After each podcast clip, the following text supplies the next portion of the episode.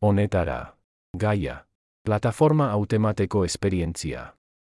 Madames Sirs maitea.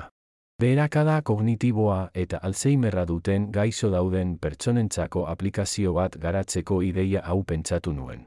Ezaguna den bezala. Gaixotasun nagusiak, gainbehera kognitiboa, Alzheimerra edo beste gaixotasun batzuk dituzten gaixotasunak dituzten gaixoak. Pizkanaka pizkanaka gaitasun ugari galtzen ari dira. Ala nola epe laburreko memoria edo eguneroko funtzionamendua. Ideia da softwarea edo egoera honetako jendearentzat diseinatutako sistema bat sortzea. Erronka da sistema horretan kontzentratzea pertsonak erabiltzen dituen software edo sistema guztietan, eta adimen artifizialeko sistema baten bidez funtzionamendu mekanismoa simpleagoa eta simpleagoa bihurtuko da gaixotasunak aurrera egiten du.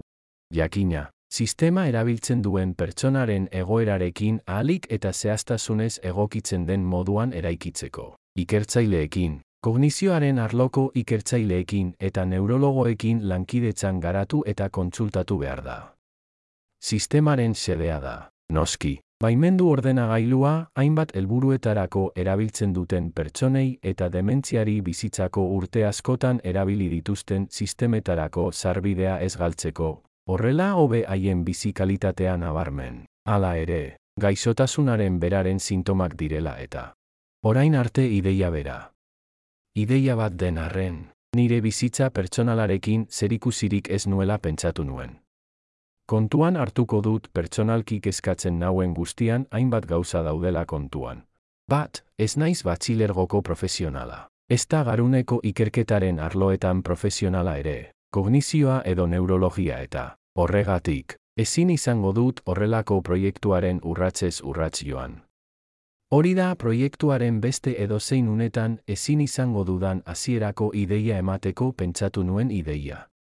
Bi, Aseguru Institutu Nazionalaren errentagarritasun oso basua da. Hori dela eta, ez dut ideiarik gauzatzeko aurrekontuetan inbertitzeko gaitasunik. Hau eta gehiago, nire egoeraren larritasuna dela eta, hipotesi oso altuek ez dute lagunduko. Hiru, Jerusalemgo kiriat menatzem auzoan bizi naiz eta ez dut ibilgailurik edo gidabaimenik. Osasuna eta finantza egoera dela eta etorkizunean ezin dut gidabaimena egin edo ibilgailua erosi. Hori dela eta bizi naizen lekutik oso urrun dauden enpresen bulegoetan aholkularitza saioetara joateko gaitasuna ez dago.